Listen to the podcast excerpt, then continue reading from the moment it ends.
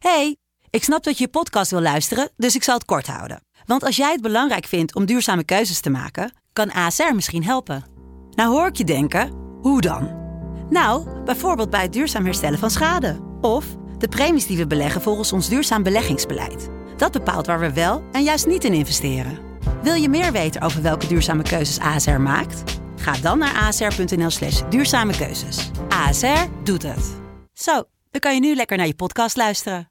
Hey, ik snap dat je je podcast wil luisteren, dus ik zal het kort houden. Want als jij het belangrijk vindt om duurzame keuzes te maken, kan ASR misschien helpen. Nou hoor ik je denken, hoe dan? Nou, bijvoorbeeld bij het duurzaam herstellen van schade. Of de premies die we beleggen volgens ons duurzaam beleggingsbeleid. Dat bepaalt waar we wel en juist niet in investeren. Wil je meer weten over welke duurzame keuzes ASR maakt? Ga dan naar asr.nl/slash duurzame keuzes. ASR doet het. Zo, dan kan je nu lekker naar je podcast luisteren. De stroom. Maar er ligt toch wel een beetje verantwoordelijkheid bij, die, bij de stervende. Om het proberen goed te doen met, met jouw dierbaren. Want niemand wil toch dat je dierbare gewoon daarna jarenlang met een trauma rondloopt.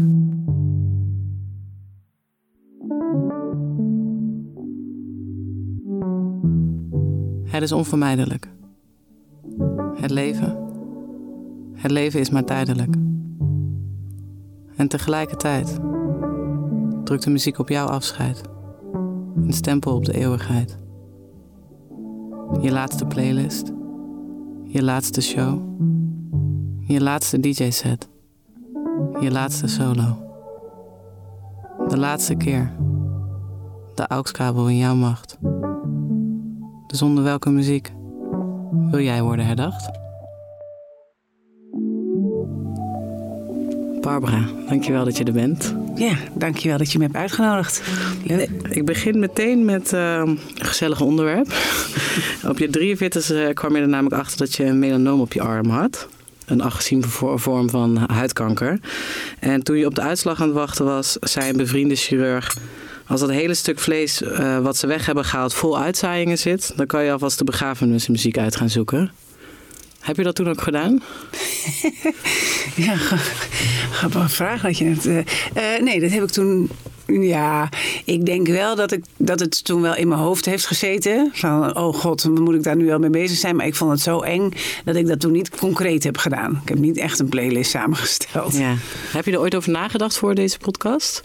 Ja, ja zeker. Want ik heb ook in mijn Spotify-lijst, heb ik, of in de afspeellijst, heb ik één speciale afspeellijst. Lievelingsliedjes Barbara heet die. En ik denk dat is makkelijk voor als ik opeens plotseling dood neerval. Dan kunnen mijn kinderen, daar staan overigens niet precies de liedjes die zij moeten draaien. Want ik wil hen ook nog een beetje een vrije, vrije hand geven. Maar daar staan wel, nou, ik denk een stuk of 12, misschien 15 nummers in waaruit ze moeten kiezen. Ja. Hoop ik dat ze dat doen. Ja, want voor deze, voor deze podcast uh, heb je er drie gekozen. En um, nou, de, de, reden waarom uh, ik heel graag met jou wil praten in deze podcast, is omdat je een van de. Uh, ja, ik denk nu al een van de mensen bent in de, in de Nederlandse literatuur die het meest misschien wel schrijft over de dood. Dat is nu de, het derde boek wat je hebt geschreven over vergankelijkheid. Het eerste ging over ouder worden. Het tweede boek, Je kunt het maar één keer doen, uh, is in 2020 uitgekomen. En dat gaat heel erg over uh, verschillende soorten verhalen over hoe mensen sterven. En het derde boek is net uitgekomen, 50 manieren om afscheid te nemen. Kun je over het laatste boek wat vertellen? Ja, het laatste boek komt eigenlijk voort uit uh, het, het, voorlaatste boek. Hè. Je kunt het maar één keer doen. Is een, was een, dat heet, heeft de, zoektocht, of de ondertitel is ook een zoektocht naar het grootste taboe in het leven, sterven. En dat, was, eh, dat boek heb ik echt geschreven als een soort zoektocht van hoe gaan mensen dood en wat is het effect op hun nabestaanden van de manier waarop ze sterven. Ik had een heleboel vragen over nou, de, uh, doodgaan, zullen we zeggen. En uh, daar, daar heb, ben ik, dat heeft me een jaar bezig gehouden om deskundigen te interviewen, maar ook mensen die het zelf hadden meegemaakt, om op die vragen antwoord te krijgen. En toen dat boek eenmaal verschenen was, toen Nou, het was drie weken verschenen. En het ging trouwens met een prachtige lancering. Ik kwam meteen in de bestseller top, top 60 terecht op nummer 8. En uh, zat bij de Wereld Draait Door en alles. Maar drie weken daarna, boem, was de lockdown. Ah, ja. Alle boekhandels dicht. Ja. De boekverkoop veel stil. Maar vooral belangrijk was dat de, mijn agenda was opeens helemaal leeg. Ik had het hele jaar gepland met lezingen en boekhandelbezoeken en signeersessies. En toen kwam ik zelf eigenlijk op het idee van, nou, ik vind het zo'n waardevol onderwerp. Of eigenlijk een van de lessen die ik had geleerd uit het schrijven van het boek is van, er moet meer gepraat worden over de dood. En toen dacht ik, nou ja, nu ik verder toch even niks te doen heb, wil ik eigenlijk wel heel graag meer praten over de dood. En toen heb ik uh, Volkskrant Magazine voorgesteld, mag ik niet elke week iemand interviewen, gewoon een lezer, gewoon iemand uit het land, over de dood van zijn of haar dierbaren. Zodat er meer, ge, ge- ja, zodat de dood een normaler onderwerp wordt, ook in een magazine om te lezen. Ja. En eh, dus dat is een beetje mijn missie geworden van we moeten meer praten over de dood. Ja, het klinkt een beetje overhoogdravend, zo bedoel ik het niet. Maar het is toch heel gek dat we het over heel veel dingen heel veel hebben. We hebben het heel veel over liefde, we hebben het over geld, we hebben het over eh, kinderen krijgen, bevallingen. Daar kunnen mensen urenlang over praten. Maar iets zoiets wezenlijks als doodgaan, wat ons allemaal overkomt, daar hebben we het eigenlijk het liefst zo weinig mogelijk over. Ja, en bij jou komt dat voort omdat eh, jouw ouders op, op vrij jonge leeftijd zijn overleden. Of in ieder geval je vader, toch? Eh, je moeder wat later. Komt dat voort omdat wat je daarvan van, hebt geleerd? Of wat, wat heeft jou toen geprikkeld om daarover te willen schrijven? Ja, dat, is, ja dat, dat, dat klopt. Het heeft heel erg te maken met de dood van mijn ouders. Mijn vader was inderdaad 60 toen hij overleed. Ik was toen 28. En hij is op echt een afschuwelijke manier gestorven. Hij had, een hele agressieve vorm van darm, darmkanker. En hij was echt totaal in paniek. En hij is nou echt worstelend en ontkennend en angstig uh, aan zijn eind gekomen. En dat was voor mij als 28-jarige dochter heel traumatisch om, om mee te maken. En daar heb ik ook jarenlang ontzettend veel uh, ja, ja, problemen mee gehad. Van de manier waarop die doodging. Dus ik had, kreeg ook paniekaanvallen, hyperventilatie, nachtmerries. Het heeft echt een jaar of drie geduurd voordat, ik, uh, voordat daar een beetje de scherpe kantjes van af waren. En jaren later, dat is nu acht jaar geleden, toen was ik inmiddels al 46. Toen kreeg mijn moeder ook de diagnose darmkanker. En toen was ik echt, nou, toen ik dat hoorde, dacht ik: nee, nee, nee, niet weer. Want ik dacht, dan kom ik weer helemaal in die rollercoaster van, van angst en verdriet en pijn terecht. Maar mijn moeder zei eigenlijk meteen na de diagnose: nee, nee, nee, daar hoef je helemaal niet bang voor te zijn, want zover laat ik het niet komen. En zij heeft toen besloten om zich niet te laten behandelen. En eigenlijk de tijd die haar nog restte te spenderen aan het afscheid nemen en het afronden van haar leven. En uiteindelijk heeft ze vanaf de diagnose nog vier maanden geleefd. En in die vier maanden heeft ze inderdaad heel goed, heel goed afscheid genomen. Dus ze heeft nog met allemaal afspraken gemaakt met vrienden van vroeger, met familieleden. Ze had, ik zeg wel gekscherend, ze had elke dag borreluur. En, uh, en ook in de laatste, uiteindelijk toen, toen ze echt pijn begon te krijgen en, uh, en dacht van nou, nou, nou wordt het niet comfortabel meer. Toen heeft ze een euthanasieafspraak gemaakt. En in de laatste week was eigenlijk, was ik elke avond bij haar. En hebben we gewoon, ja, heel gek, maar het was gewoon een he heerlijke week. We hebben gewoon elke avond lekkere wijn gedronken, plakboeken bekeken over haar leven, gelachen, ook wel gehuild.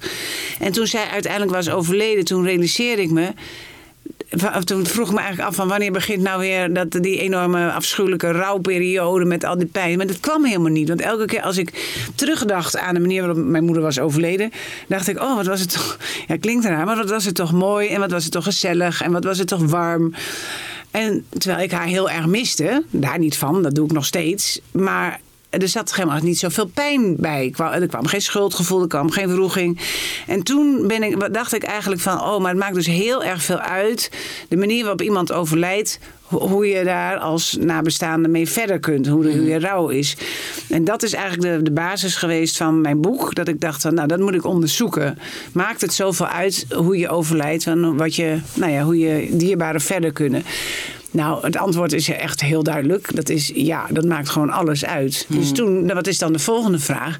Oh, maar als dat zoveel uitmaakt, dan wil ik zelf ook heel graag het goed doen. Want ja, dan wil ik ook dat mijn kinderen uh, goed, hè, in die zin mentaal goed en stevig achterlaten.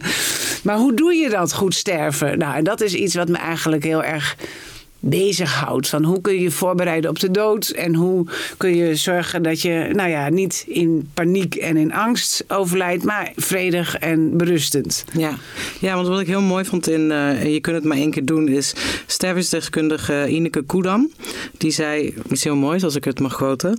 Tijdens ons leven kunnen we leren te sterven door iedere keer opnieuw los te laten wat ons niet meer dient. Zodat we moeiteloos overgaan naar een volgende fase. Ieder mens heeft een kern van waaruit hij antwoorden vindt op bestaansvragen. Het is een levenslange oefening om iedere keer terug te gaan naar die kern van wie we ten diepste zijn. Wat, hoe vond jij dat toen ze dat zei? Je hebt het natuurlijk opgeschreven, dus dat was iets wat je, wat je ook interessant genoeg vond. Maar voelde je daar een connectie mee? Ja, zeker. Ja, zeker. Ja, ik vond, eh, ja, dat, dat, tuurlijk, dat dat is wat zij zegt, dat zijn hele wijze woorden. Want als je, en daar kwam ik ook eigenlijk achter toen ik bezig was met een boek over de dood. Dat het eigenlijk ook, als je met het, over de dood nadenkt, gaat het ook meteen heel erg over het leven. Ja. Want uh, ja, vroeger nou, vroeger, dat is niet helemaal juist dat ik zeg, maar laten we zo zeggen dat vroeger uh, mensen, een heel, heel groot gedeelte van de Nederlandse bevolking was gelovig. En was dood eigenlijk niet dood. Het was het, voorportaal van een, een nieuw leven in de hemel, althans, als je goed geleefd had. En, uh, door de secularisering van de samenleving is, heeft dood, ja, is, is wel heel erg dood geworden. Van, en, dan, en ik denk dat ook dat een van de redenen is waarom de angst voor de dood het is toegenomen. Want ja, dan, het wordt wel heel erg zinloos als het boem afgelopen is. Mhm. En als het zo zinloos is, wat is dan de zin van het leven? Nou, en dan kom je terug op, ja, wat is de zin van het leven? Als jij, uh, je kunt tijdens je leven al op zo'n manier leven, dat als je dan vlak voor je dood, zeg maar, uh, berusting moet vinden, dat, dat, dat je daar in je leven al voor geoefend hebt. Ja. Dus als, je, als je op een bepaalde manier leeft en je daarvan bewust bent, dat je eerder uh, nou, uh, tevreden, of, nou, tevreden zijn als je doodgaat, denk ik. Uh, dat je niet, nee, ik denk dat niemand blij is om dood te gaan, laat ik het zo zeggen. Maar dat je wel uh, met tevredenheid terug kunt blikken op je leven, dat dat heel erg helpt. Ja. Nou, gesproken over jouw leven, zullen we naar het eerste nummer luisteren? Naar Superman van Barbara Streisand.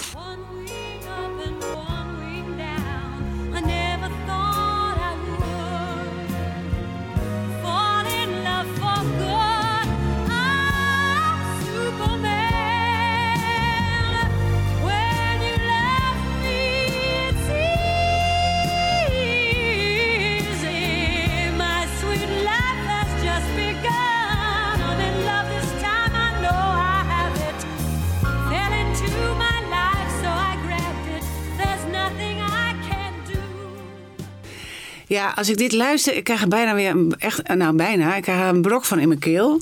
Want ik weet nog, als dag van gisteren, ik was 22 en, en ik was net verliefd.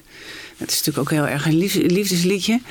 Maar, uh, en toen ontdekte ik dit nummer. Gek genoeg, ik was al wel een Barbara Streisand fan toen. Maar toen had ik een oude LP of zo op de kop getikt. En toen vond ik dit nummer. En dat verwoordde zo ontzettend mijn gemoed toen. 22 jaar, hartstikke verliefd tot over mijn oren. En ook van My Sweet Life Has Just Begun. Zo voelde ik me ook. Weet je, het begon allemaal in leven. En als ik er ook nu zo op terugkijk, denk ik... ja, dat was ook gewoon, ja, logisch als je op die leeftijd... maar het meest zorgeloze fase van mijn leven. Het, het, het begon. de wereld lag aan mijn voeten. Dat, dat gevoel... En uh, ja, ik heb dat e-, de eerste jaren grijs gedraaid. En eigenlijk, ja, mijn leven tussen, nou, eigenlijk tussen mijn 22e en tussen mijn 28e toen mijn vader overleed. Toen heb ik ook in die periode drie kinderen gekregen. Dat ging ook vrij snel. Maar dat was een ongelooflijke mooie, zorgeloze, zonnige periode. Zelfs op zo'n jonge leeftijd drie kinderen krijgen en dan het zorgeloos zien. Ja, dat is wel zorgeloos. Ja, het was een erg grote ja, droom. Ik wilde ook heel graag moeder worden. Dat wou ik al nou, toen ik nog met poppen speelde, we maar zeggen. Dus het was ook heel blij dat dat zo goed lukte.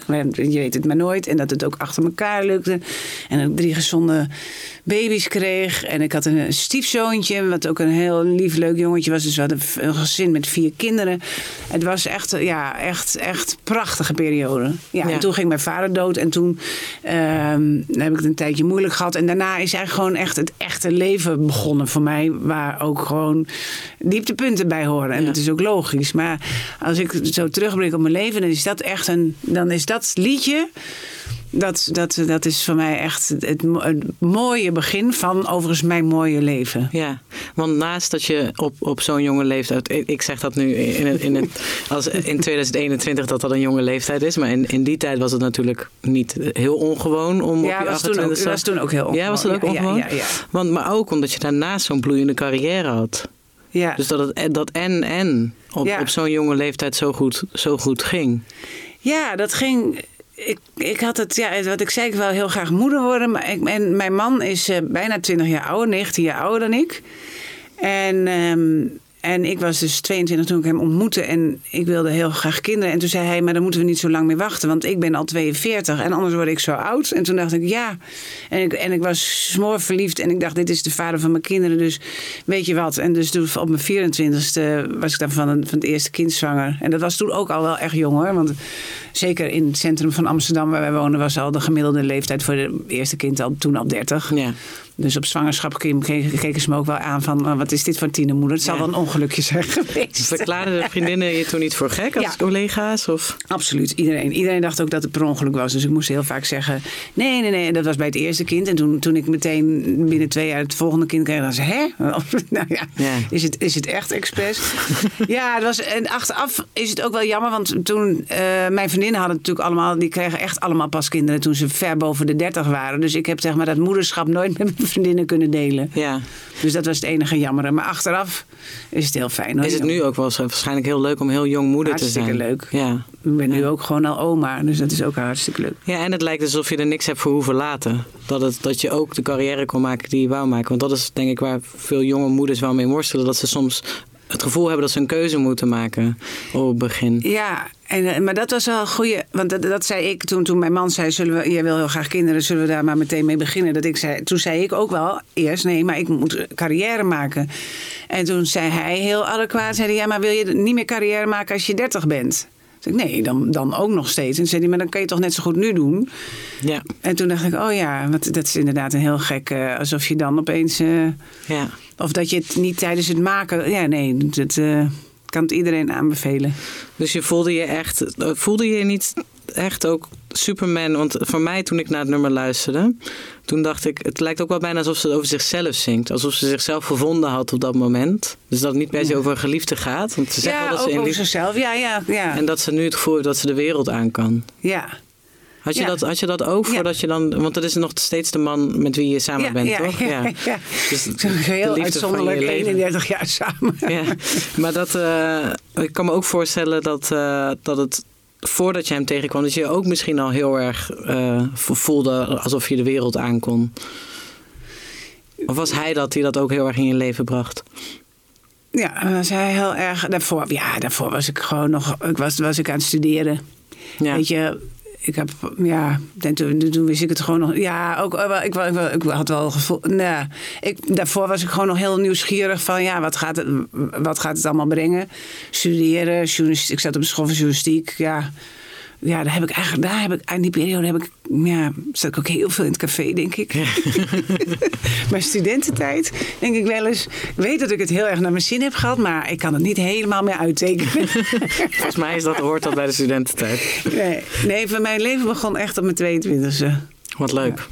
Nou, dat is ook een jonge leeftijd. Dat is beter dan dat je op je vijftigste begint. Ja, wat ook heel veel mensen hebben. Is dit wel het leven wat je gehoopt had te hebben? Ja. Ja.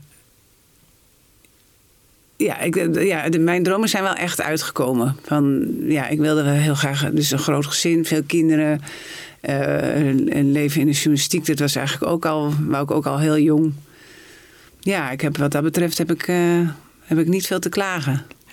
Komt dat wel eens, en dat, dat, dat spreek ik dan vanuit mijn eigen ervaring, dat soms als dingen precies zo lopen zoals je wilt dat ze lopen, dat je dan ook een beetje angstig wordt dat het allemaal weg kan, kan gaan. Heb je dat dan ook gehad? Uh, nou, nee. Nee, ja, ik bedoel, ik heb wel gewoon. Nee, nee, eigenlijk niet. Ja, de gebruikelijke angsten van. Ja, god, als er maar niks misgaat met de kinderen. of als er maar niks misgaat met. Maar. Nee, nee, ik heb niet, niet uh, van. Want hoe bedoel jij? Bedoel jij het zelfs een beetje zeg maar bijgelovig van ja, het gaat nu zo goed, dan zal het wel. Dat zou er wel iets.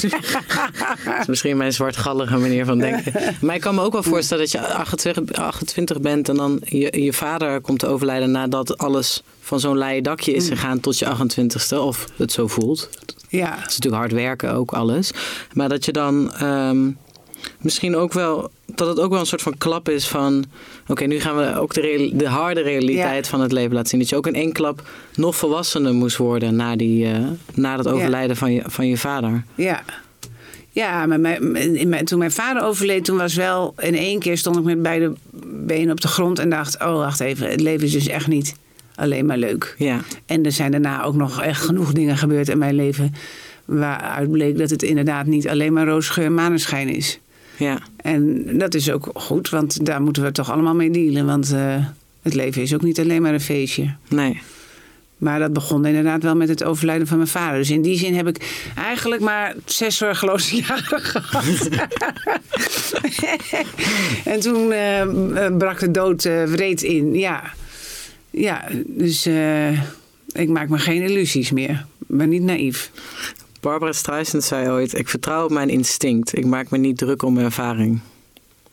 Herken je dat in, in, in, jouw leven? Ik kan me voorstellen dat je als je op 22e moeder wordt, dat het ook wel. Dat je dan ook wel het gevoel hebt van: oké, ik moet nu gewoon vanuit mijn instinct gaan handelen. Van hoe ik denk dat een moeder zijn. Want ik kan het niet in mijn omgeving zien hoe mijn vrienden het hebben gedaan. Of... Ja. Ja, vind ik wel een mooie uitspraak trouwens. Die kende ik niet. Maar dat, en daar herken ik me ook wel in. Ik heb wel echt eigenlijk altijd al alles heel erg op intuïtie gedaan. En daarbij is het fijn als je gezegend bent met een goed kompas, zullen we zeggen. Ik bedoel, dat, dat, heeft niet iedereen. Dat heeft, ik weet niet, dat heeft te maken met ook met hoe je zelf bent opgevoed, denk ik. En je jeugd en je, ja, je, hoe je genetisch in elkaar zit misschien. Maar in ieder geval, ik kan altijd wel echt vertrouwen op mijn eigen kompas en op mijn buikgevoel en van wat, wat ik moest doen. En dat is, nou ja, dat is bijvoorbeeld ook vijf jaar geleden, toen uh, besloot, had ik echt het gevoel van, nou, ik moet mijn leven rigoureus omgooien. Ik was 21 jaar hoofdredacteur, nu maak ik even een grote stap. 21 jaar hoofdredacteur geweest. En, uh, en ik, ik had geen idee wat ik wilde of wat ik moest. Maar ik dacht, nou, ik moet gewoon weggaan bij de persgroep. Ik moet, het, uh, moet op mijn gevoel vertrouwen dat het goed komt. En, uh, nee, en dat, is heel, dat is ontzettend goed gebleken. Want daardoor ben ik dus boeken gaan schrijven. Wat ik echt niet wist van tevoren. En ik ben naar Friesland verhuisd. En ik heb echt een totaal ander leven nu dan ik had omdat ik gewoon met vertrouwen, zullen maar zeggen, op die intuïtie en op dat kompas die stap durfde te nemen. Terwijl ik geen garanties had. Niet financiële garanties, niet, niet uh, succesgaranties. Maar ja. Ja. Wat, wat was dat dan in jou dat je zo erg uh, liet beseffen dat je weg moest van hetgeen wat je al 21 jaar kende? Um, nou ja, toch ook dat, dat ik, dat ik dacht, ja, het, het, het, leven is kort. En je kunt wel je hele leven in dezelfde groef blijven, blijven zitten. Wat, wat, wat soms comfortabel is en soms voor de hand liggend. Zeker vroeger natuurlijk. Want vroeger begonnen mensen op hun uh, 18 of op hun 20ste met een baan. En uh, hè, als ze 65 waren, namen ze afscheid. Dat was gewoon. Maar dat is natuurlijk nu al helemaal niet meer. Zeker niet in jouw generatie. Maar ik dacht zelf ook van ja, waarom zou ik niet nog een ander leven kunnen leiden dan het leven wat ik tot nu toe met, heel veel plezier en heel veel liefde heb geleid. Maar kan ik nog eens een keer in een ander leven terechtkomen? Ja. dat leek me zo leuk. Ik vind het wel interessant te horen dat dus vijf jaar geleden heb je die beslissing genomen. En zes jaar geleden is je moeder overleden, toch? Ja. ja. En denk je dat haar dood misschien... acht jaar, ja. Oké. Ja, haar dood heeft daar ook wel toe bijgedragen, zeker. Dat je nog een keer bevestigd wordt van het leven is maar kort. Ja. wat je zelf ook schrijft in het boek, 20% van de, van de doden, of de mensen die doodgaan, kan plotseling gebeuren door middel van een ongeluk of moord. Laten we daar niet aan uitgaan. Maar uh, ik spreek weer, denk ik, dan eh, vanuit mijn eigen ervaring. Dat was bij mij, bij mij was het nog een keer geconfronteerd worden met de dood, wat mij ook het hele roer om heeft laten gooien. Wat, wie, wie ben jij verloren? Ik ben niemand uh, bij mij, uh, behalve dan mijn oma. Uh, maar die gaan helaas op een gegeven moment dood. Ja, dat, oma's. Dat is toch heel, hoe oud ben jij maar als ik ben 32. Jij bent 32, ja. oh ja. Maar ik heb ja. een, een dodelijk ongeluk meegemaakt ehm, in, in New York toen ik daar een tijdje woonde. En dat heeft mij toen heel erg laten besluiten van... oké, ik, kan ik kan ook net zo goed nu onder een taxi liggen. En dan is dit het leven wat ik leid. En ik ben daar ja. niet blij mee. Ik ben niet blij met het leven wat ik op dit moment leid. Oké, ja. Dus laat ik, laat ik het helemaal anders gaan aanpakken. Ja. En um, ja, ik, ik, voor mij was het dus echt die vergankelijkheid. Het besef dat het zomaar klaar kan zijn. Dat, ik, dat ik dat besloten had. En toen heb je ook inderdaad een uh, roer omgegooid. Ja. Ja. Nou, dat is, ja. Ook gaan schrijven. Ook gaan schrijven. Ja, echt? De dood laat iedereen schrijven. Ja. wat, is het, um, wat zou je het liefst willen dat mensen uit, je, uit jouw werk halen? Wat zou je het liefst achter willen laten voor mensen? Uh, nou, dat, dat, dat ze... Dat, dat de dood een, uh, een normaal onderdeel van het leven wordt. Dat we, dat we de dood niet meer eng gaan vinden. Vind jij het eng? Nu niet meer, maar ik vond het hartstikke eng. Voordat ik aan het boek begon, was ik hartstikke bang voor oh, de dood. Ja, ja, ja. Echt, echt doodsbang. En uh, ja, gewoon als ik, als ik de gedachte al toeliet van... oh god, en dan, dan moet je alles loslaten. En oh, en dan is er niks. En het zwarte gat. En nee, dat vond, ik vond het echt, ook echt een... Echt, echt een, uh, een heel moeilijk, al moeilijk om over na te denken. Laat staan over te praten. Ja. Maar nu ik dus zo echt nu dus al twee jaar eigenlijk fulltime mee bezig ben met die dood. Ja, kom ik erachter van, ja, dit is, de dood is niet het tegenovergestelde van het leven. Nee, de dood is een onderdeel van het leven. En we gaan allemaal dood. Iedere, niemand komt hier levend vandaan, zegt Bert Keizer in mijn boek. En, en, en afgezien van het feit dat we zelf doodgaan, krijgen we ook onderweg steeds te maken met mensen die doodgaan. En hè, of het nou je oma is of een goede vriend of je ouder. Bedoel, uiteindelijk uh, word je nooit 80 uh, zonder iemand verloren te hebben. En uh, ja, ik, ik vind het gewoon echt belangrijk om ja, dat dat gewoon iets normaals wordt. En dat we daar gewoon met z'n allen ja, normaal over, over praten. En dat het niet. Ja, mensen zijn gewoon een beetje bang om erover te praten. Terwijl ja. ik dat nu niet meer ben. En nu, nu, ik durf nu best bij, al bij de slagen tegen een wildvreemde. Nee, nee, dat is een beetje een gek voorbeeld. Maar, maar ik ben gewoon zo makkelijk. Voor mij is dood, de dood nu zo makkelijk onderwerp geworden. dat ik ook aan iedereen vraag: Oh, is je moeder overleden? Hoe is het dan gegaan? En uh, oh, was het lastig? En hoe vond ze het zelf? En weet ik wat. En echt, iedereen vindt het, is mijn ervaring, praat er graag over. En zeggen dan achteraf: Goh, wat was het fijn gesprek. Ja. Maar niemand vraagt dat meer. Ja. Terwijl als iemand bevallen is, vraagt iedereen hoe was de bevalling? En dan mogen ze dat tien keer opnieuw vertellen. Ja, grappig, inderdaad. Ja. En, en, ja, dat is, ik, toen ik dit boek ging schrijven, of dat eerste boek, toen, toen als mensen dan naar mij vroegen. Wat, uh, waar, wat, waar, waar, gaat je boek, volgende boek over? En ik zei, nou, over doodgaan. Zijn mensen echt, gat, kon je niet iets leukers verzinnen? Weet je, echt zo. Ja, ik moet ook zeggen, het is grappig dat je boek een paar maanden voor corona is uitgekomen. Want dit, deze podcast was gepland voor corona. En toen heb ik ook even gezegd, nou laat, laten we nog maar heel even wachten. Want ik denk dat mensen wel genoeg over de dood nadenken deze dagen.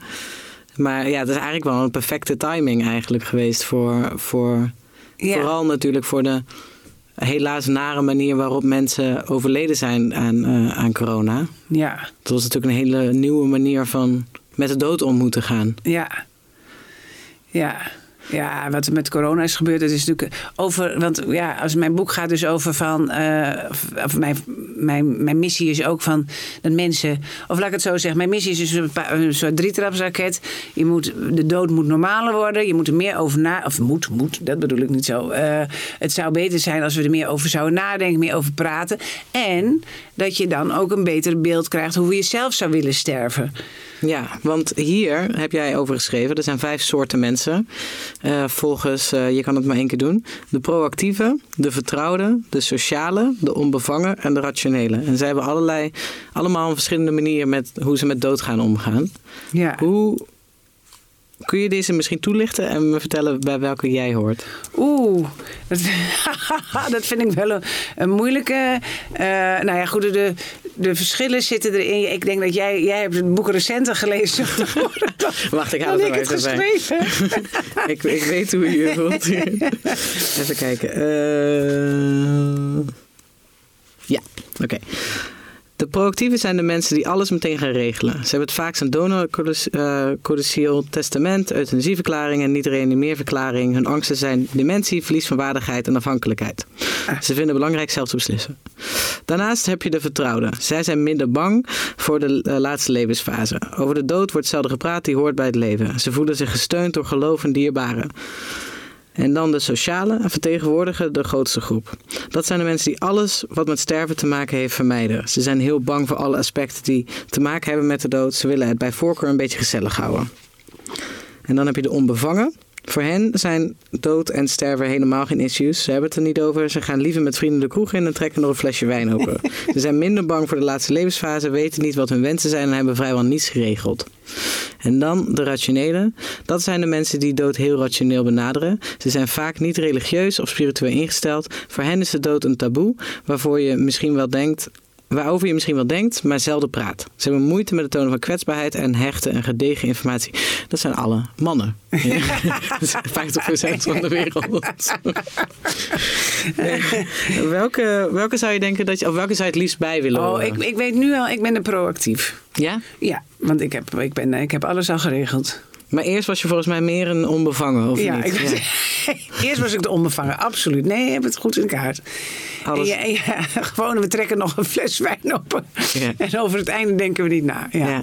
En jij? Ja, ik ben denk ik wel de proactief. Ik heb natuurlijk deze podcast. Oh maar ik heb een dodelijke... Ik heb niet zo'n euthanasieverklaring, want dat vind ik een beetje vroeg voor mijn 32 jaar. Ik zat wel toevallig laatst na te denken over mijn testament. maar dat was ook wel door jouw boek. Voor je 32 Oh, ik jaar. dacht 20 procent. Dat vind ik best veel, 20 procent. Het kan zomaar gebeuren. Ja. Toen dacht ik, nou ja, met die huizenprijzen en appartementen hebben, moet er maar iets aan doen. Nee, maar ik denk wel ook dat ik onder de proactief val. Maar ik, ik- voor mij is het, ik denk dat, dat en, maar daar komen we dadelijk over eh, bij, eh, bij, want daar ben ik eigenlijk wel heel benieuwd naar hoe je ernaar denkt. Dus laat ik niet op de vo- zaken vooruit gaan lopen. Letterlijk. Zullen we naar het volgende liedje gaan luisteren? Dat is God Bless the Child van Billie Holiday. God bless the child that's got his own. That's got his own.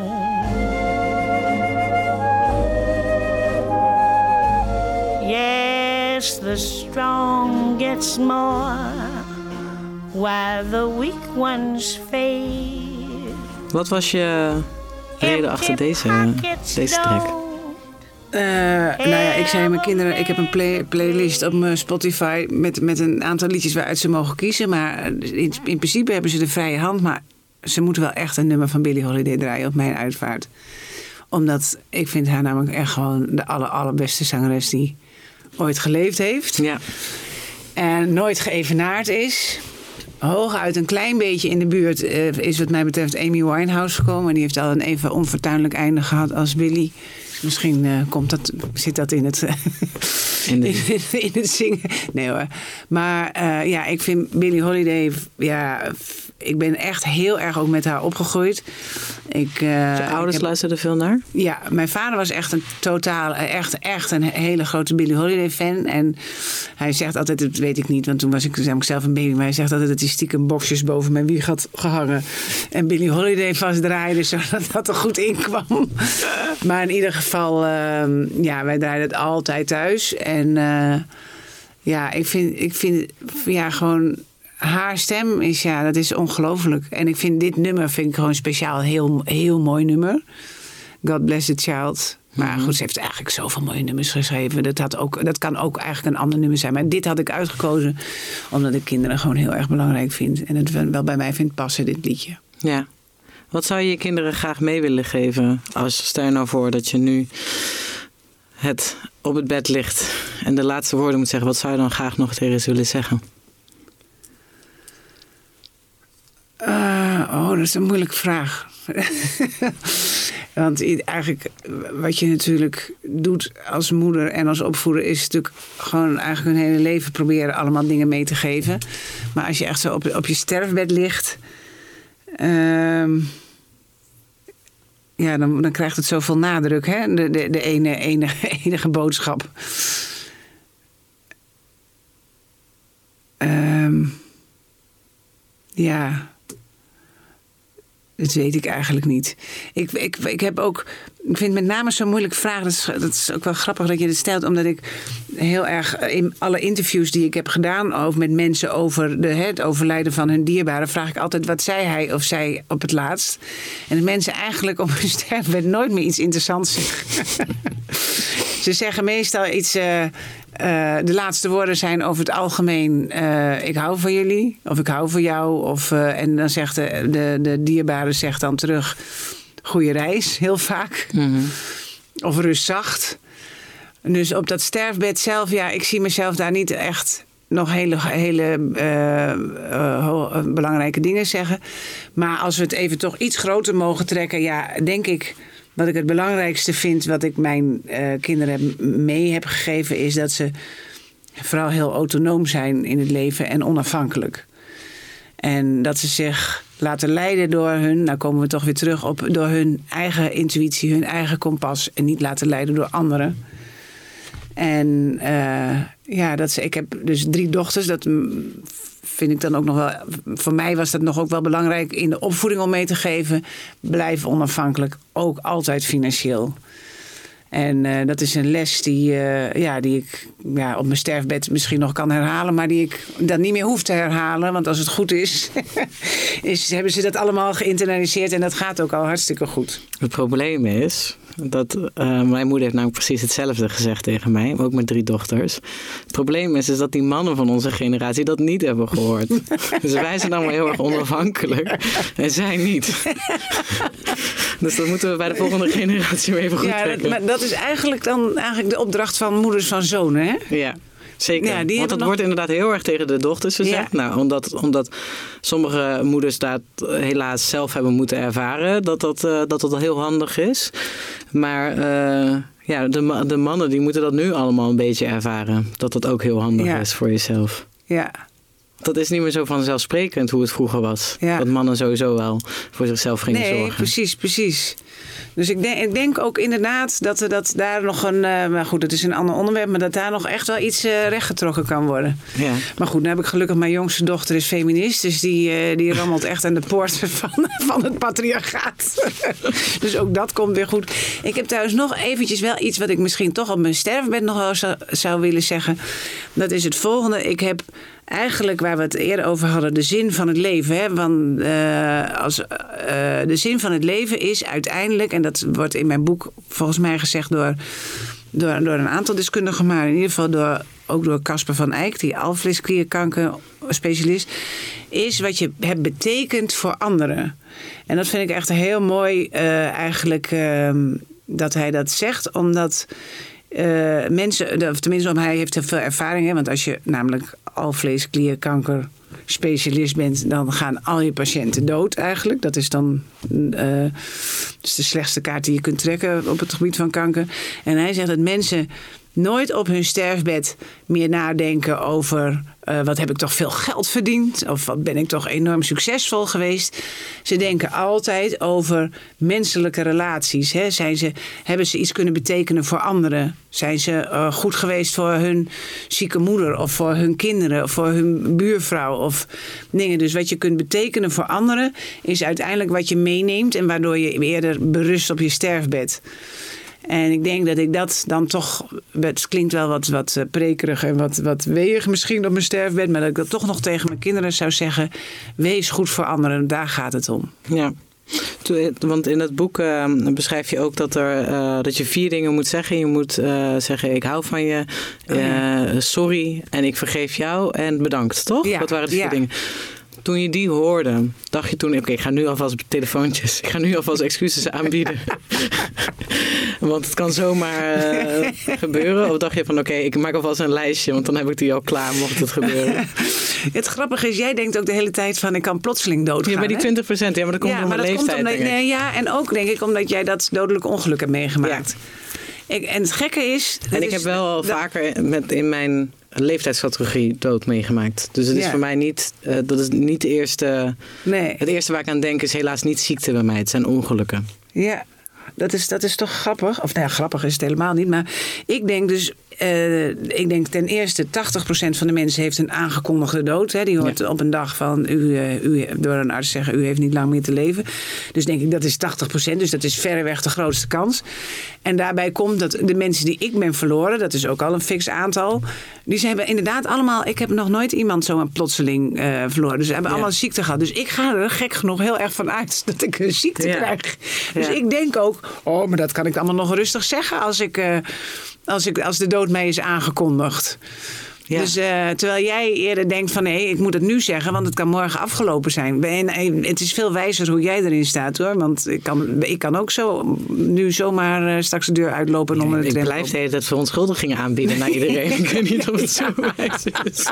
Hele tijd maar sorry zeggen. Maar het is wel, ik vind dat wel trouwens, dat zegt die eh, ja, Manu Kiers. Dat is een, een hele beroemde Belgische Vlaamse rouwdeskundige. Die zegt van dat zijn de dingen die je op je sterfbed moet zeggen tegen je dierbaren. Dat vind ik wel heel verstandig dat hij dat zegt. Want er zijn heel veel mensen die overlijden en die hebben nooit meer echt een gesprek gehad met hun dierbaren. En, dan, en het is zo definitief, hè, die dood. Zo I heard, ja. Dus, eh, dus ik vind het wel heel goed dat hij eh, die bewustwording van ga die gesprekken nog aan. En bied je excuses aan voor de dingen die je fout hebt gedaan. En dank je dierbaren voor, voor de goede dingen die je hebt meegemaakt. Want zij moeten verder en zij kunnen er door mee verder. En er zijn echt toch, nou ja, mijn vader is daar een voorbeeld van. Maar er zijn heel veel mensen die in paniek doodgaan of in ontkenning en weet ik dat. En ja, en dan is er geen verbinding meer, geen gesprek meer geweest. En dan is diegene dood en de achterblijvers eh, ja. Ja. kunnen dat nooit meer eh, herstellen. Wat, wat zou je ehm, als nabestaande, ehm, wat zou je nabestaande adviseren die dat helaas heeft mee moeten maken? Dus want dit is natuurlijk een ideaal boek voor wanneer mensen op dat moment ziek zijn. Dat ze, dat, dat ze zich daar eh, eh, in ieder geval ehm, wat beter in in kunnen lezen over hoe je daar dan mee omgaat. Maar wat, nou, wat- als ik je even mag onderbreken. Ik heb eigenlijk het liefst dat mensen het boek lezen voordat ze ziek zijn. Ja, nee, oké, tuurlijk. Nee, ja, maar dat is namelijk... Want als je, als je ziek bent, dan, dan, dan is het eigenlijk al te laat. Je moet gewoon... Mij, nou dat heb ik eigenlijk ook al gezegd. Maar het is belangrijk dat mensen, als ze gezond zijn en jong... Jij bent wel echt heel erg jong, vind ik, om met de dood mee bezig te zijn. Ik moet gewoon even normaal doen. Maar als je eenmaal, mijn schoonvader zei altijd: als je de 40 bent gepasseerd, ga je je doden tellen. Dat vond ik ook altijd een hele nare uitspraak. Maar dat is natuurlijk wel een beetje zo. Dus als je de 40 bent gepasseerd, ja, dan vind ik eigenlijk dat je al goed moet nadenken over, nou ja, over doodgaan en de manier waarop. En. eh, en niet wachten tot je ongeneeslijk ziek bent en dan nog eens een boek ter hand neemt. Ja. Maar goed, Eh, wat jij wil zeggen, wat zou je de nabestaanden... Ja, dus voor de mensen, kijk, dode mensen kunnen het helemaal niet meer lezen. Nee, dat, daar, daar zijn we het ook over eens. Dus de mensen die even niet meer wisten hoe ze dat ook alweer moesten doen, doodgaan, die helaas daar dus heel veel moeite mee hebben gehad. De nabestaanden die nu nog met die trauma eh, rondlopen. Wat zou je hun adviseren? Hoe kunnen ze daar nu nog mee omgaan? Ja, niet. Want dan, ja, dan, dan, dan moet je maar zorgen dat je met een goede rouwtherapeut of een goede psycholoog eh, je, je, je rouw verwerkt. Ja, verwerkt vind ik ook altijd zo'n gek woord. Want ja, wat valt er verwerken? Maar dat je ermee leert leven met het Ja. verlies. Maar dan is het kwaad. Dat, dat is dus precies. En daarom heet het. Oh ja, ik heb heel goed over die titel nagedacht. Daarom heet het ook. Je kunt het maar één keer doen. En eigenlijk is mijn oproep een beetje aan de mensen: doe het alsjeblieft goed. Ja. En eh, dat klinkt natuurlijk heel raar, want ja, je kun je ook niet. Ik bedoel, je kan er ook niks aan doen als iemand echt niet in staat is om, over, als hij ziek is, om het, eh, om het goed te doen. Ja, dan houdt het allemaal een beetje op. Maar er ligt toch wel een beetje verantwoordelijkheid bij, die, bij de stervende. Om het proberen goed te doen met, met jouw dierbaren. Want niemand wil toch dat je dierbare gewoon daarna jarenlang met een trauma rondloopt. Ja. En dat, en dat goed doen zit hem vooral in de, de verbinding blijven houden. Met elkaar praten. Dus dat is ook hoe jij het zou willen doen. Ja, en als je niet in staat bent om te praten op je sterfbed, omdat je te moeilijk en te pijnlijk, en dat is het ook allemaal, of omdat je te veel pijn hebt, haal er iemand bij. Haal iemand bij je in het proces die deskundig is. Daar heb je Eh, daar heb je stervensbegeleiders voor. Of haal de dominee erbij. Of de huisarts. Of een psycholoog. Of een coach. Of...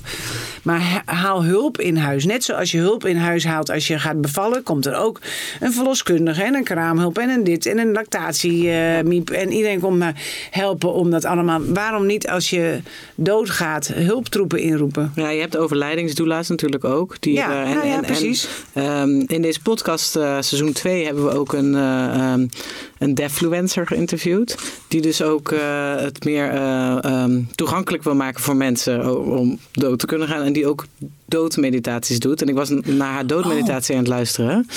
Toen dacht ik, het is bijna als een bevallingsmeditatie dit. Oh ja? Is dat niet heel erg eng trouwens? Een Nee. doodmeditatie? Nee. Nee? Nee, grappig dat jij het zegt. Nee, ja, Ja. Ik, vond, ik vond het niet eng. Nou, ik, heb het, ik heb het gewoon geluisterd over hoe ze het deed. En ik vond het heel... Maar ik ben misschien niet de beste, de beste persoon om te vragen. Want ik vind het allemaal heel erg fascinerend.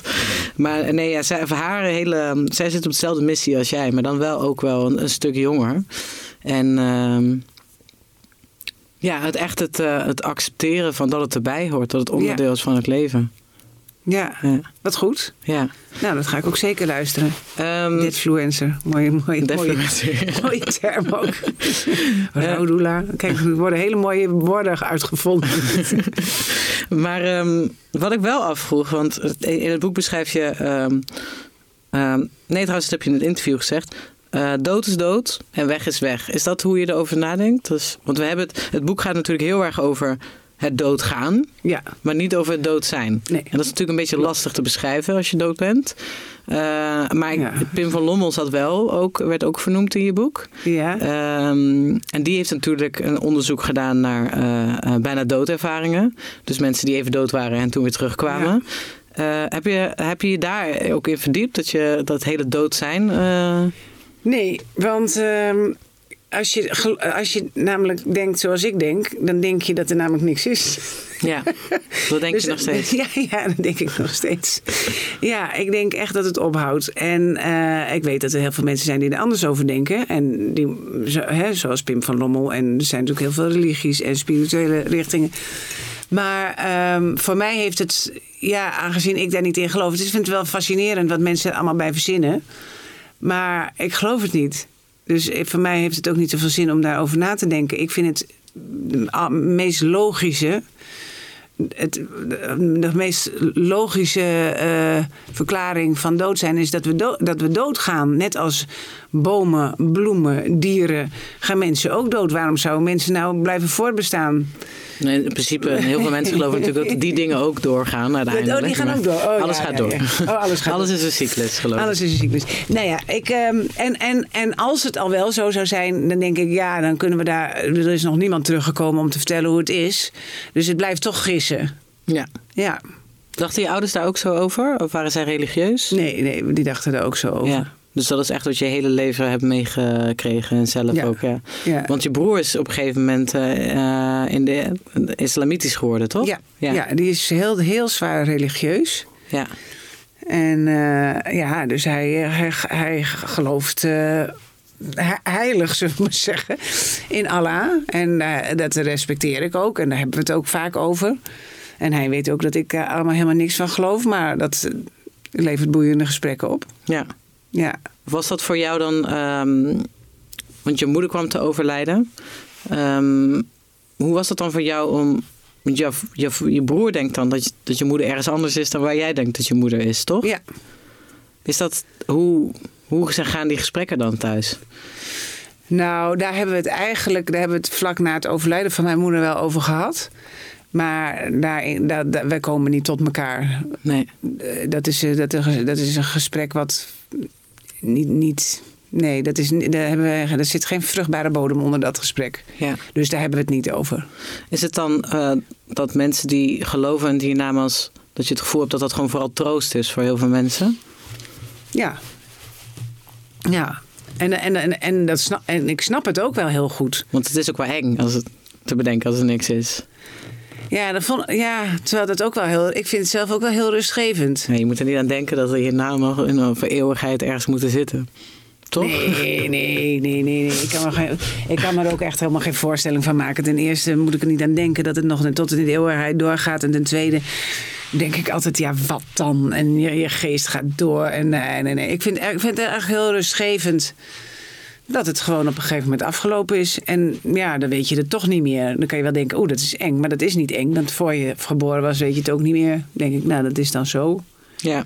Het is eigenlijk ook een beetje, tenminste, dat het ook lijkt alsof we onszelf belangrijker maken dan dat, dan dat je misschien denkt dat we zijn. Ja.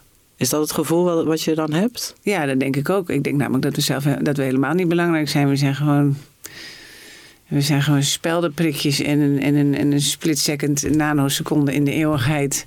Mochten we hier even rondlopen en that's it.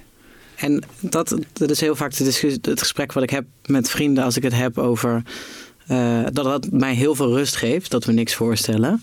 En zij worden dan vaak heel erg paniekerig als ik zeg dat we niks voorstellen.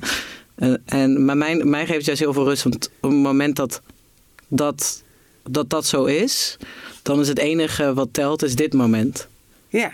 En um, dan maakt al het andere niet zoveel uit. Als dit moment vol met liefde en connectie en vergeef, vergiffenis is en wat dan ook, dan is, het, dan is me, uh, mijn carrière niet belangrijk, geld niet precies, belangrijk. Maar, maar zo is het. Ja. je, zo is het precies.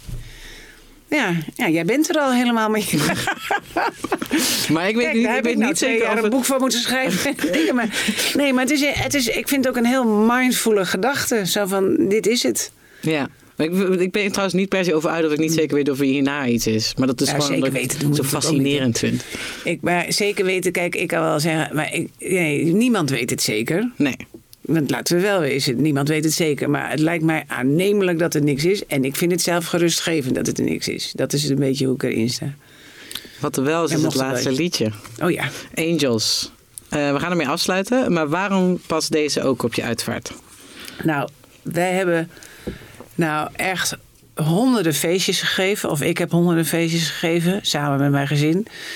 Uh, in, in 30 jaar tijd uh, ja, dat is, was een beetje onze lifestyle van als, als er maar een gelegenheid is, was, dan vierden we wel een feestje. Nou, we waren al met z'n zessen, dus er waren al zes verjaardagen per jaar. Maar dan was er ook nog een oud en nieuw feest. En dan was er een feest omdat iemand een diploma haalde. En dan was er wel weer een feest voor dit. Dus we hebben onwaarschijnlijk veel feestjes gegeven. En altijd ergens midden in de nacht, als de drank in de, in de, in de aanwezigen zat, dan werd er dit nummer gedraaid. En uh, dan gingen we altijd met z'n allen op de dansvloer, op de dansvloer, lees, huiskamervloer, staan. En met z'n allen in een kring, zo, zo met, met, met armen om elkaar heen. En keihard meezingen. En alle mensen, alle vrienden die ooit bij ons over de vloer zijn geweest. En vrienden van de kinderen, vrienden van onze familie. Heeft één of meerdere malen in die kring hardop met Angels staan meezingen. Dus ik denk, ja, als ik doodga, moet het gewoon gedraaid worden. Want dan zitten die mensen, als het goed is, in de zaal. Dus dan hoop ik ook dat ze opstaan. En dat ze dan in die grote kring gaan staan. Dat hoop ik. Wat mooi. Als stel liefdeshooligans. Ja. Ik hoor, ik zie jullie allemaal tegen elkaar dit liedje schreeuwen. Angels voor Robbie Williams.